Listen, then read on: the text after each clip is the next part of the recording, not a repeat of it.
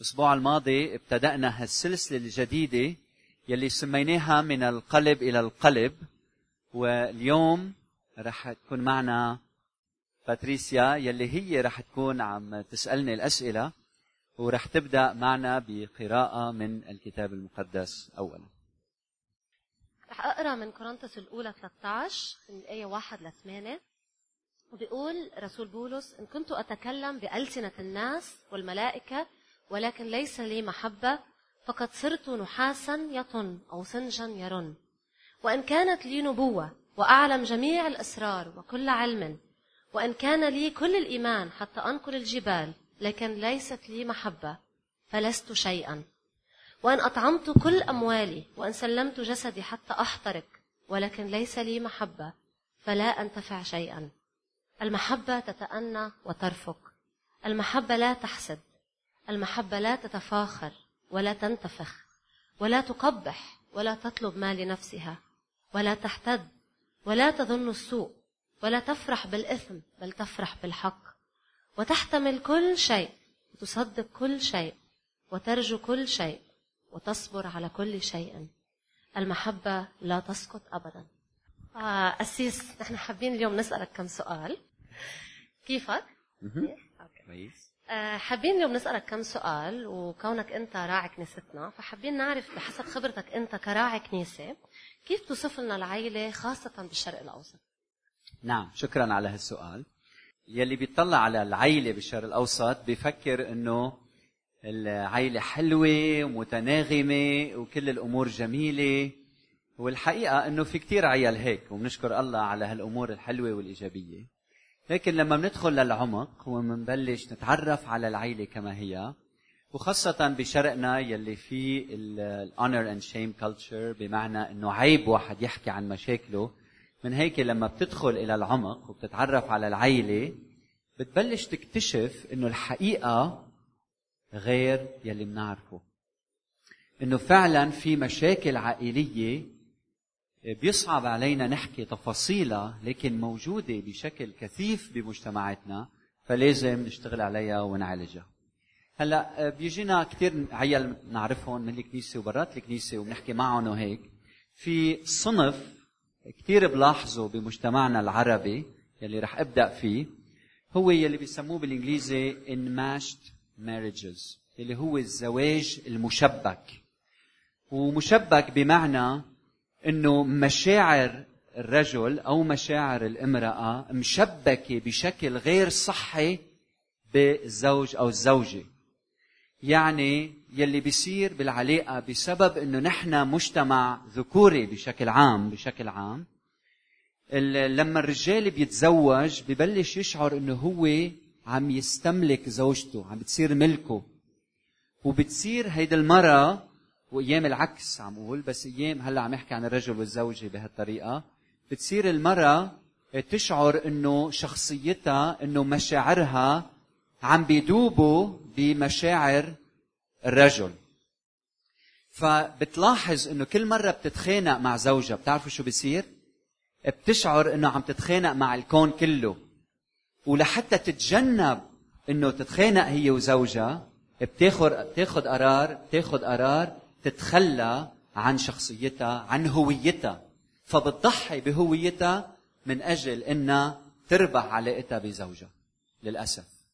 وسبب هالمشكلة وحلها اللي عم نلاحظه خاصة خلال الحرب اللبنانية اللي مرقنا فيها والأشخاص اللي ربيوا بالحرب اللبنانية هالبيئة هي حاضنة لبعض الاضطرابات الشخصية يلي بنشوفها بالعائله بين الرجل يعني عند الرجل أو عند المرأة.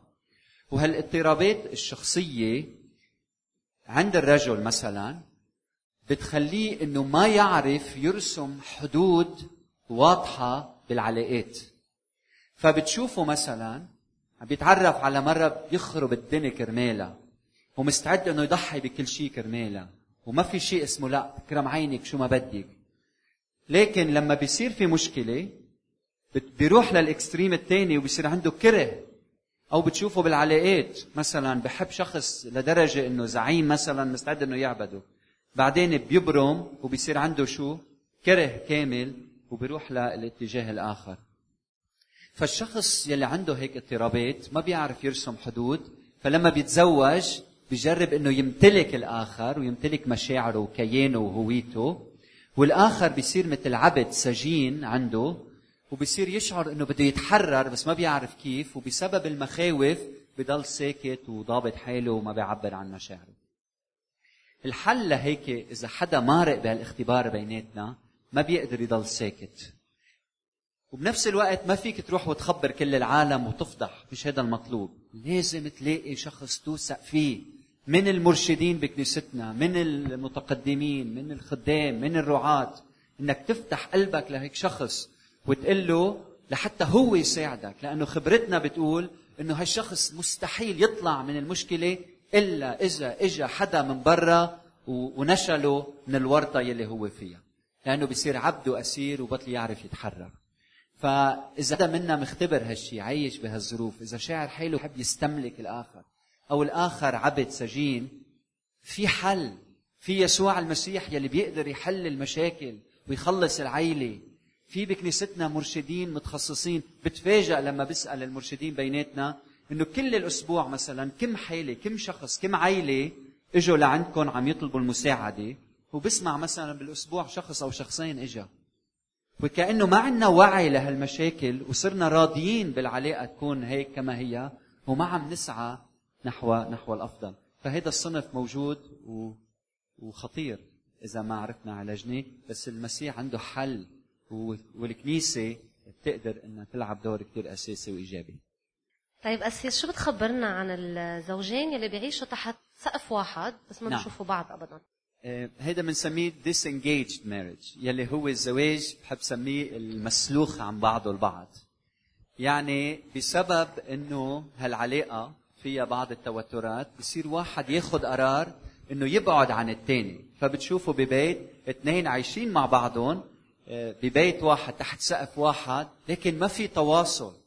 كأنه في غياب كأنه كل واحد على جزيرة عم بيعيش وما عم يعرف يتفاعل مع الآخر وما في حديث. والإشارات يلي بنشوفها الواضحة ويلي بتأكد لنا إنه هذا الزواج صار فيها الديسنجيجمنت هالابتعاد هالسلخ الواحد عن الثاني هو لما بنحكي مع هالعيال وبنشوف مثلا إنه حدا عم بيقول إيه، خلص أنا استسلمت. وما بقى بدي صارع من أجل إنجاح الزواج. فبصير عندنا شعور إنه خلص أنا فشلت أنا يئست من هالعلاقة بس كرمال الجرسه ولأنه ما بدنا نطلق منطلق روحيا ونفسيا وعاطفيا وبصير في هالبعد لكن رسميا نحن بعدنا مزوجين كرمال اولادنا كرمال تربية اولادنا وهالحالات كثيرة وعم تكتر ليه؟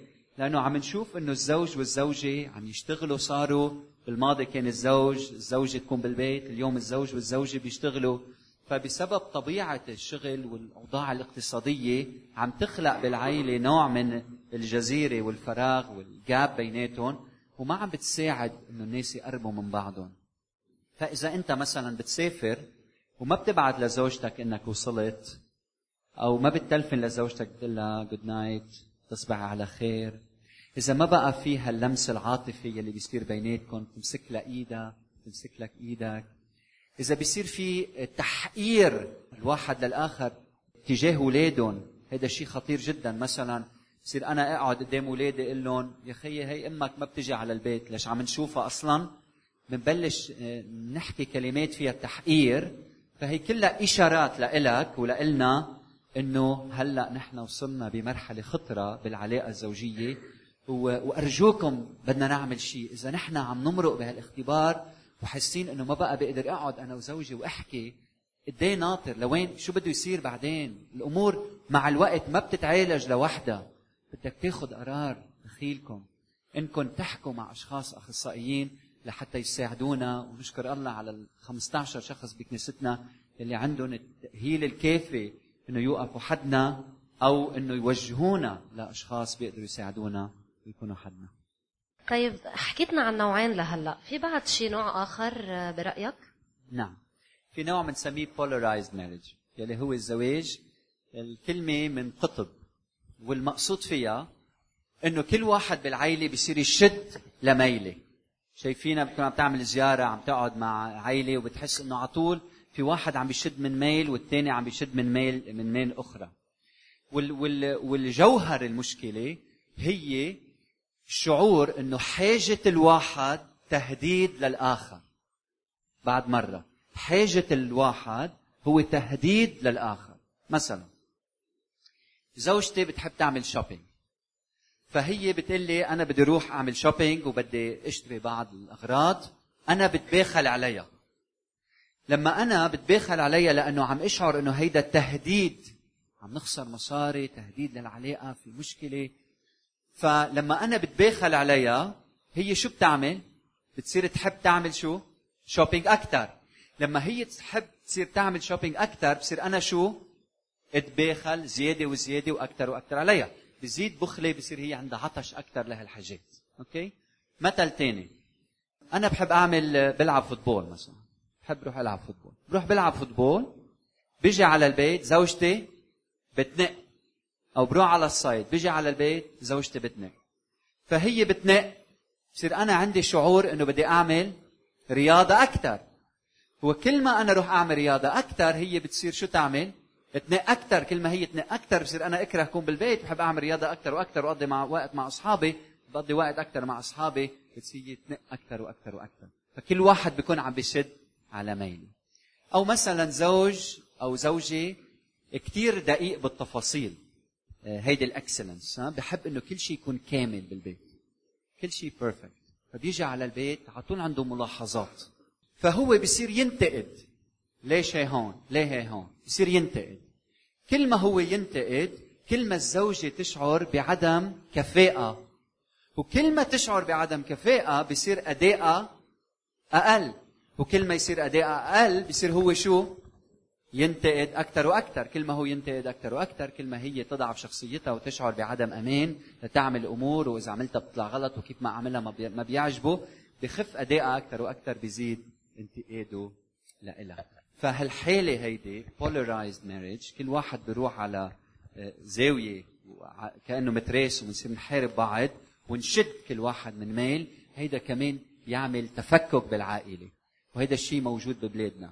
والحل إنه نحكي مع شخص متخصص. لاحظوا كل مرة عم لكم لازم نفتح قلوبنا لازم نشارك مشاكلنا مع الشخص المناسب بكنيستنا وبتفاجأ إنه في شخص واثنين فقط بالأسبوع بيقعدوا معنا لما الحاجة هي أكبر من هيك. وبعتقد عدم وعينا واهتمامنا بهالأمور وتقديرنا لهالنعمة إنه نحن مزوجين الله عطانا هالبركة الله عطانا هالنعمة. فما بنعطي قيمة للزواج بنقول يلا ماشي الأمور وبكرة بيكبروا الأولاد وبيمشي الحال. فأرجوكم إذا عايشين بهالصراع المرشد بيساعدك. يمكن يعطيك فكرة صغيرة إنه بدل ما تنقي تنقي تنقي شو رأيك؟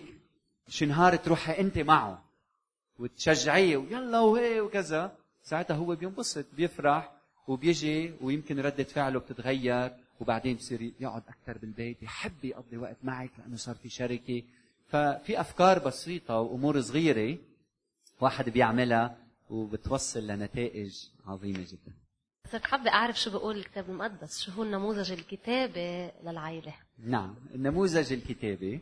آه، أنتم بتعرفوا الكتاب المقدس. آه، بدي ركز على كم نقطة. أول شغلة الاتحاد الحقيقي.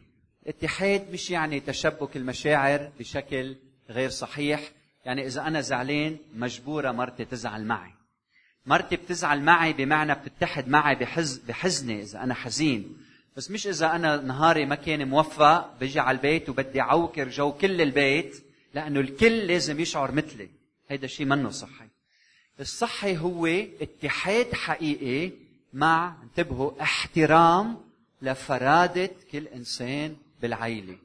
يعني الآخر عنده قيمة احترامه شخصيته أنا بدي أحترمه وبدي أقدره كما هو. كشخص وأنا بدي أتحد معه وهو بدي يتحد معي.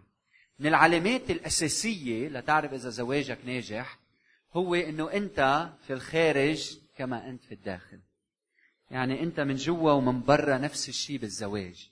منك ممثل ما بتدعي أمور بالعلاقة لحتى الأمور تزبط وبتصير تمثل وتلبس ماسك لحتى هالأمور تزبط بالعائله أنت بتشعر أنت بتشعري قدام زوجك أو العكس إنه أنا بقدر أكون كما أنا. مثل ما أنا من الداخل من الخارج. لأنه الزوجي بيقبلني بحبني كما أنا. وحدة من من الأسباب الأولى اليوم من بعد ال 2000 للطلاق هو الإنفاليديشن. لما أنت تلغي قيمة الآخر شخصية الآخر رأي الآخر أهمية الآخر موقف الآخر. فالزواج المتناغم بالعلاقة الزوجية بالزواج الزواج الحقيقي الكتابي المتناغم هو لما يكون في لا صحية healthy no بالعلاقة. إنه الآخر بيقدر يقول لا بيقدر يقول نعم. مش إنه أنا إذا هو قال لا أنا بدي أقول لا إذا قال نعم أنا بقول نعم. لا هيدا مش الاتحاد الحقيقي.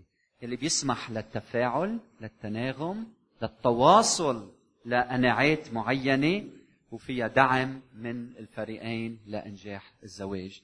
مش إنه قال نعم دغري نعم أو قالت نعم دغري نعم ولا قالت نعم دغري بدي أقول لا بعمل بولاريزيشن لا نحكي ناخذ ونعطي وبصير فيها التناغم الحلو يلي بينجح الزواج. لكن اتحاد حقيقي مع احترام الآخر. نحن قوية بالاتحاد أيام عدم الاحترام. أيام في احترام بس ما في تناغم واتحاد. فبدنا نجمع هول الاثنين وهذا الشيء بيعكس طبيعة إلهنا. الآب والابن والروح القدس اللي كل واحد عنده خيراته شخصيته بس باتحاد حقيقي. الله واحد مثلث بالأقانيم طيب شو بتقلنا كمان عن أسس الزواج الناجح؟ يعني كلنا بنتمنى نعرف شو هي الأسس يلي بتنجح زواجنا وتنعيش هالعمر كله بزواج ناجح. نعم, نعم. شو هي الأسس؟ الأسس الأسس. في أربع أشياء يمكن سامعينهم وبتعرفوهم بس حلو تتذكروهم. اكتبون عندكم. أول وحدة أن أحب وأحب. أنتم بتعرفوا المحبة أساس الزواج. بس بدي أقول بدي أقول شغلة هون. يلي بنلاحظه ويمكن أنتم بتلاحظوا نفس الشيء وبنمرق بهالاختبار إنه لما تتعرف على الصبية بالأول إيه بيصير عندك مشاعر جياشة نحوها صح؟ حدا اختبر هالشيء؟ أنا اختبرت هالشيء لما شفت زوجتي بلش يصير عندك هيك مشاعر حلوة وهالمشاعر قوية بتولد شو؟ أعمال. أعمال. تفتح لها الباب تجيب لها وردة تلفن لها بتبعت لها إيميل حلو تتلاقى أنت وياها بتروح مع بعض. فالمشاعر بتولد شو؟ أعمال. المشاعر بتولد أعمال. فبيجي واحد بيتزوج من بعد ما يتزوج بتبلش الأشياء تصير روتينية. بعدين all of a sudden بحس إنه هالمشاعر جفت راحت صح؟ خفت بطلت مثل الأول. فالسر لما نقول نحب أن أحب وأحب. السر هو إنه كيف بالأول المشاعر ولدت أعمال بالزواج بنقلبهم. الأعمال بتولد مشاعر. فأنا أكيد لازم أشعر بالأول لأنه الشعور بيقربني من الآخر لأعمل أعمال. ولما اصير بهالعلاقة بصير أعمل أعمال يلي بيولدوا وبيخلوا الشعور جياش وحقيقي ومستمر. فهمتوا علي؟ فنحن شو بيصير معنا؟ بنتزوج و... ومنفوت بهالروتينية هيدي لأنه بطلنا نشعر بنبطل نعمل. تعوا نعمل لحتى نصير نشعر. مش كلنا بنعرفها هالحقيقة تعوا نطبقها. فهلأ أنت روح على البيت واعمل لو ما عم تشعر بتصير تشعر من بعد الفعل. لكن أول وحدة كلنا مع بعض أن أحب وأحب لأنه العلاقة مش وان واي بدي أحب وأنحب. ثاني وحدة أن أغفر ويغفر لي. أوعى تفكر بالعلاقة الزوجية ما بيصير في تصادم. ما منهمش بعض أيام ما منجرح بعض. هيدا الشيء بيحدث. أنا بجرح نفسي أيام بأعمال غير صحيحة. فبالعلاقة الزوجية على طول بيصير في احتكاك معين وتجريح ببعضنا البعض. إذا ما بعرف أغفر عم أحكي مع الأشخاص هلأ يلي منهم مزواجين إذا ما بتعرفي تغفري ما تتزوجي. إذا ما بتعرف تغفر ما تتزوج. إذا ما بنتعلم نغفر بحياتنا وتصير الغفران ثقافتنا ما فينا نعيش حياة زوجية حلوة. قديش بنتلاقى مع عيال حاملين جبال على كتافهم ماضي مرير حافظين كل كلمة وكل مشكلة وعايشين بهالكم من الهم وفيك تخلص منه لما تاخذ قرار تغفر لما تاخذ قرار تغفر. فبطولة إنك تغفر. لكن البطولة البطولة إنك تغفر وتنسى. إنك تغفر وتنسى. واللي اكتشفته إنه الشخص يلي آه، بيغفر بعد وقت طويل ما بينسى. يعني لما واحد يأذيني وبخلي هالشي وبصير مرارة جوا وبياخد محله بقلبي بصير الغفران صعب. ولما بيحدث كأنه واحد بضل متذكر كأنه المفتاح هو هالصلاة يلي علمنا إياها رب يسوع المسيح. اغفر لنا ذنوبنا وخطايانا كما نحن نغفر لمن أخطأ وأساء إلينا. إذا كل يوم المساء أنت بتغفر صدقني بتنسى. ولما تطلع بعد 10 و13 و15 و20 سنة ما بتتذكر إلا الحلو إلا الحلو. هيدا اختبارنا. اختبار كل إنسان اعتمد سقافة حياته الغفران الغفران. لكن أن أغفر ويغفر لي. ثالث وحدة أن أعرف وأعرف. أن أعرف وأعرف نحن منحب أنه نتزوج ولما نتزوج نتعرف على الشخص إلى أن نتزوج. بدنا دائما نتذكر ونتعلم أنه بداية الحياة الزوجية عند الزواج مش نهايتها. فأنا من بعد ما تزوجت لازم كل يوم أتعرف على زوجتي أكثر وأكثر ماضيها حاضرها شوفها كبحر وبدي أدخل في العمق. واكتشف الكنوز الموجودة بعمق هذا البحر. فخذ حياتك الزوجية مغامرة في اكتشاف الآخر. أمين؟ مغامرة لاكتشاف الآخر. فهذا بيعطيك غنى والآخر كل ما يكتشفك كل ما يشوف الجمال اللي فيك كل ما يعرفك على حقيقتك إنه أنت إنسان بتحب تكون أفضل بتحب تكون تشبه المسيح بحياتك وبيخلق غنى بالزواج. لكن أول وحدة أن أحب وأحب. ثاني وحدة أن أغفر ويغفر لي ثالث وحدة أن أعرف وأعرف وآخر وحدة أن أشجع وأنال التشجيع أو أشجع من الآخر. التشجيع شيء مهم جدا جدا بالعلاقة ومنشوف إنه ما في فلسفة التشجيع بالزواج ما بعرف ليه. فعطول في تحطيم للآخر لما منلاقي علاقات مكسرة مش عم بقول كل عائله منكم هيك. كتار منكم بتشجعوا فهموني صح. بس أيام بنشوف لما العلاقة بتصير لمرحلة متقدمة بمعنى سلبي بنشوف إنه وحدة من الأسباب إنه ما في تشجيع. طيب لما بنسأل ليه ما في تشجيع بتعرفوا شو بنكتشف بنكتشف إنه آه، يا زوج ليه ما بتشجع زوجتك؟ بنكتشف إنه السبب هو إنه خايف إنه إذا هي وصلت وأخذت مركز عالي وتقدمت إنه هيدا يخلق تهديد لحياته وممكن إنها تهمله وتتركه. مش دايما بس أيام بنشوف هيك وبنشوف العكس كمان. بس بدي اخبركم اليوم أنت بتربح الشخص لما بتشجعه. أنت هالشخص بصير عنده ولاء لإلك لما يعرف إنك أنت وراه وحده وداعمه لحتى ينجح. بشكر الله اللي بيناتنا بيشجعوا نسوانهم يعملوا ماجستير ودكتوراه ويتقدموا بالمعرفة. بشكر الله من أجل النسوان يلي بيشجعوا رجالهم إنه يزدهروا ويزيد شغلهم وينجحوا بحياتهم ويحققوا ذواتهم. فضروري انه يكون عندنا ثقافه التشجيع مع بعضنا البعض. لكن هالأربعة بتحبوا نرجع نقولهم مع بعض نتذكرهم. أن أحب وأحب ثاني شيء أن أغفر ويغفر لي ثالث وحدة أن أعرف وأعرف ورابعا أن أشجع وأشجع. أنا بشجع من خلال خدم إلى الآخر العطاء والعطاء. نعم. استمتعت بهالأربع قصص. بس هلأ كمان حابة نرجع نسمع منك شو هي أكثر المشاكل يلي بتواجهها العائله بأيامنا اليوم؟ أكثر المشاكل يلي بتواجهها العائله اسألوا هالمرشدين بيناتنا بيجاوبوكم بعتقد وحدة منهم لما بنقعد مع عائله عم تتشابك مع بعضها إنه فلسفة التواصل مش موجودة. عييط وصريخ وشريعة قد ما بدكم بس إنه نتواصل هذا الشيء مش موجود. نحن مشهورين بالبليم جيم بتعرف شو يعني بليم جيم يعني بنحكي عن الانا لما بدنا نحكي عن حالنا. يعني أنا كذا عامل كذا معي هالشديد بعرف كذا أنا أنا أنا أنا. لكن بالعلاقة الزوجية على طول نحن بندل بالإصبع على الآخر وبنقول انت أنت أنت أنت أنت أنت. ما عملت منيح انت ما قمت بالتزاماتك انت وعدتني وما وما نفذت. وكمان مش عمول مش عم أحكي عن كل واحد منكم عم أحكي عن العلاقات يلي هي صعبة يلي فيها مشاكل. بنلاحظ إنه هاللعبة إنه انت انت أنت على طول موجودة ولازم نتعلم. قبل ما نوصل لهون لازم نتعلم. يا أخوتي يا حبايب إنه نبدأ بذواتنا. نبدأ نقول أنا أنا أنا أنا. أنا بغلط وبقول أنت. فنحن عم نتعلم مع بعض إنه نقول أنا. نهار الخميس كان عندي مناسبة بفينيسيا أوتيل. فبعد الظهر قلت لها لزوجتي بدي نام 20 دقيقة لا أقدر ضاين كل النهار لأنه قايم بكير. حطيت المنبه تبعي نمت 20 دقيقة. وعيت بالوقت هيدا زوجتي أخذت الأولاد وتركت البيت وراحت أخذتهم يعملوا شيء activity لما فلت تركت الضوء الصالون ضوى ال living room وعيت أنا قمت بالنسبة لي عادي إنه الضوء البيت يكون مضوى منا مشكلة لي ابدا. so قمت حممت وكذا ولبست وفليت من البيت. لما فليت تركت الأضوية شو؟ مضويين بالبيت.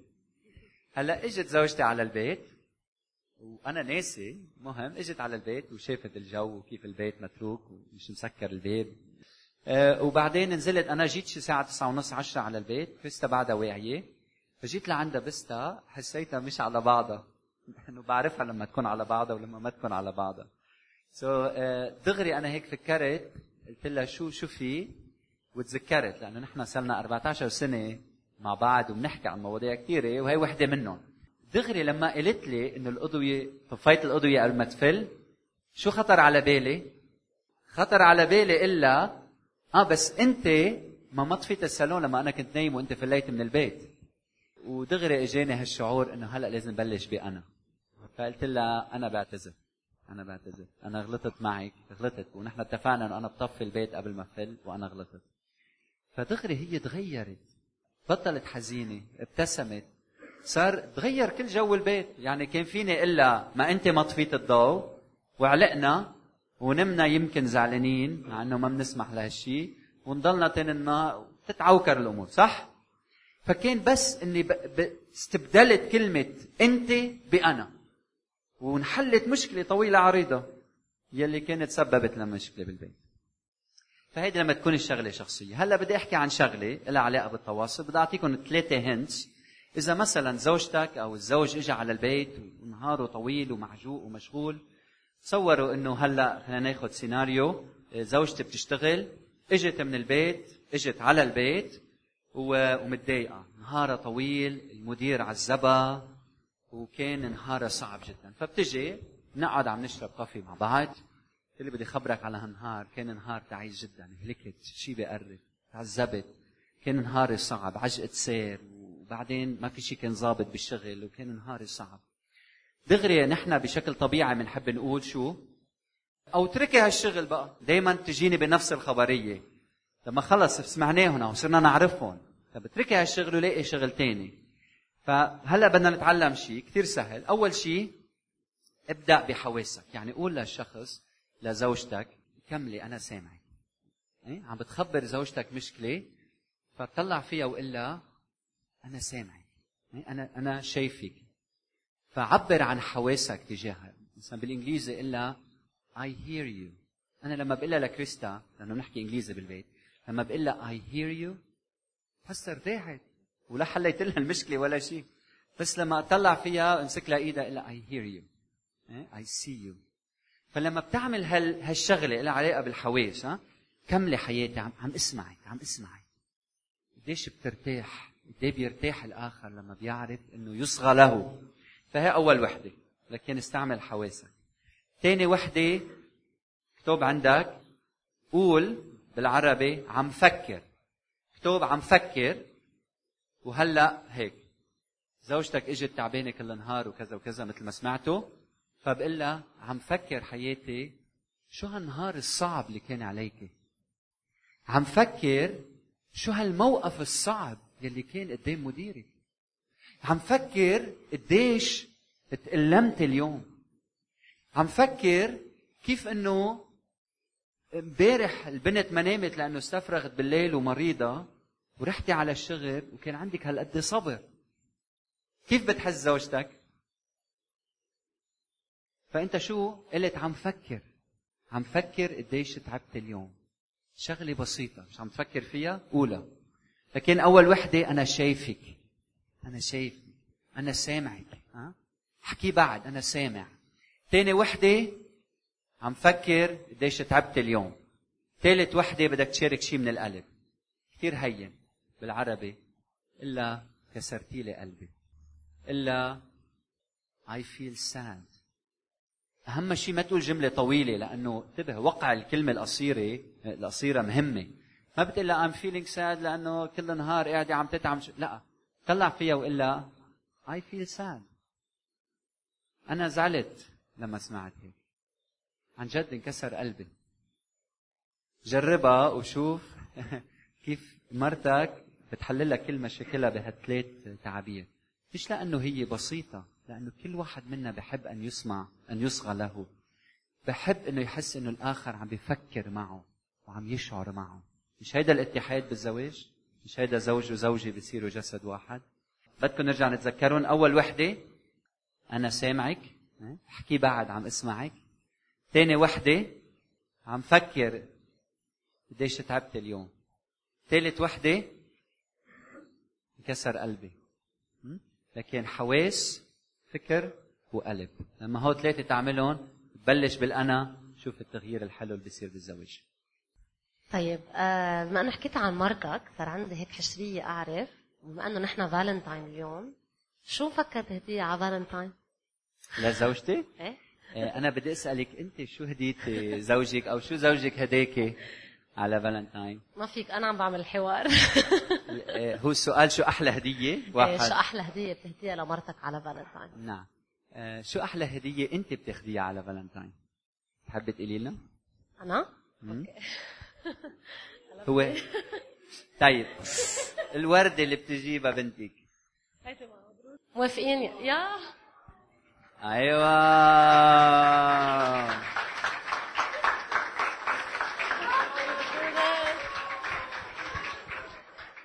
بس بدي احكي كلمة صغيرة. انه أنا بشكر الرب على أحلى زوجة اعطاني اياها واحلى ام. واكيد لأنه الرب أساس بيتنا عايشين بسعادة كبيرة. آمين. thank you انتوني وهلا بدنا نسالكم أنتم قولوا لنا شو أحلى هدية حصلت عليها أو أحلى هدية أنت أعطيتها لحدا. ف باتريسا رح تمشي من هون. إذا حدا بده يرفع إيده بدنا نسمع منكم بدنا نتعلم منكم شو أحلى هدية حصلت عليها أو أحلى هدية أنت أعطيتها لحدا. بتحبوا تخبرونا؟ تذكروا خذوا وقتكم يلا رح أبدأ. باتريسا أنت معي. وجيه بعدين دورك أحلى هدية هي الشيء اللي كنت أحلم فيه وقت كان عمري 18 16 سنة إنه تكون حدي فكل يوم هديتي إنه هي حدي فبتمنى من الرب إنه يخليها حدي وهي أحلى هدية. ارفعوا إيدكم بدنا نسمع منكم. شو أحلى هدية حصلت عليها؟ لأنه النسوان هلأ عم يتعلموا لما يسمعوا رجال والرجال عم يتعلموا لما يسمعوا لما يحكوا النسوان. فعبروا شو أحلى هدية حصلت عليها؟ أو شو أحلى هدية عطيتها؟ أحلى هدية السنة أعطيتها لمرتي يسوع المسيح. برافو بدها زقفه هي. آمين آمين. كمان يلا تشجعوا. فيكم تقولوا إشياء صغيرة آه، إشياء صغيرة مثل خاتم ألماظ وإشياء كبيرة مثل المحبة مثلا. يشجعنا. منال. منال أحلى هدية اعطاني اياها زوجي. أوه. عم بمزح أنا مش مجوزه بس بس بدي أقول إنه أنا صار لي يمكن شي خمس أيام آه، ساخنة. وأحلى هدية آه، حدا قدر يعطيني إياها هو الاعتناء اللي أعت- أعتنوا فيي أهلي. إنه أعرف إنه في حدا بيحبني وبس حدا يقعد حدي. يمكن يد- يدقر لي إيدي أو مثل غنوة مثلا كمان اهتمت فيي ليلة كاملة. أنا عم بخضع عن وعي وغنوة عم بتساعدني ضلني وياي. فالاعتناء إنه أعرف إنه في حدا حدي ممتاز شكرا. ثانك يو كمان. أحلى هدية إنه فكرت تهديني الفكرة إنه هي فكرت تهديني كانت لي أحلى هدية. كان إنه واحد يفكر بالآخر فكر ب... إنه يجيب هدية للآخر ويروح يجيبها ولا تبقى فكرة؟ حتى لما جب عم فكر جيب لك هالكون نعم. thank you جود سليم. آه، على عيد زواجنا السنة الماضية. إجاني أحلى هدية. وهي عبارة عن آه، مثل دفتر bloc-notes مدورين الاوراق محطوطين ب porte-clés. وكتبت لي على خمسين ورقة. أسباب ليش بتحبني wow. I love you. وعلى خمسين ورقة حطيت أسباب كثير wow. حلو. حلو. زقفة. و... و... وزوجته لسليم سميرنا فهي من الأشخاص المتخصصين بالإرشاد. من هيك بنجي لعندهم نستفيد منهم نتعلم منهم. thank you كمان. في أقول أنا شيء كنت جاية على البيت كثير تعبانة ووصلت على البيت آه، شفت sticky note أول ما فتت. فيها thank you so much كتب لي عليها كثير اشياء ليش هو مبسوط معي. يعني إنه أنا أم منيحة what يعني كثير إشياء. وعلى كل البيت صرت عم فتش عليهم مثل ما الولد بفتش على البيض ب Easter. كثير كثير آه، كانوا عزيزين على قلبي. فكرتني فيها thank نايس طيب خلينا نصلي مع بعض. كثير مهم نجيب الأمور يلي سمعناها هيك قدام الرب. والبداية لما نف- نفتح قلوبنا بحضره الرب نقول له يا رب في شيء أنا مش شايفه في شيء مش واضح في شيء خطر بالعلاقة. هل أنا مفكر إنه زوجتي مبسوطة معي أو زوجي مبسوط معي؟ وكل الأمور غير شكل. هل في شيء ناحية من النواحي يلي بتحتاج للتحسين؟ هل بطلت عم قوم بأعمال محبة؟ هل بطلت أغفر؟ هل بطل يهمني أعرف الآخر؟ صار عندي ملل. هل آه، بطلت شجع بسبب مشغولياتي وحياتي؟ تعالوا نصلي مع بعض نطلب هيك الرب يبارك حياتنا بينك وبين الرب. خليه يحكي معك. هل أنت إنسان آه، تستملك الآخر وما بتطلق الآخر وبتحب الآخر مثل ما المسيح بحبنا؟ هل أنت بس بدك رأيك يمشي أو أنت بدك بس رايك يمشي وبتمسحي شخصية غيرك زوجك. فخلينا نحط هالأمور بيننا وبين الرب. كلنا بدنا علاج. إذا حدا منا شاعر إنه ما بده علاج صدقني كلنا بدنا كلنا بحاجة نتعلم دائما كيف نحب وننحب كيف نغفر كيف نسامح كيف نعرف. فناخد وقتنا هلأ عنا خمس دقايق بيننا وبين الرب بالصلاة.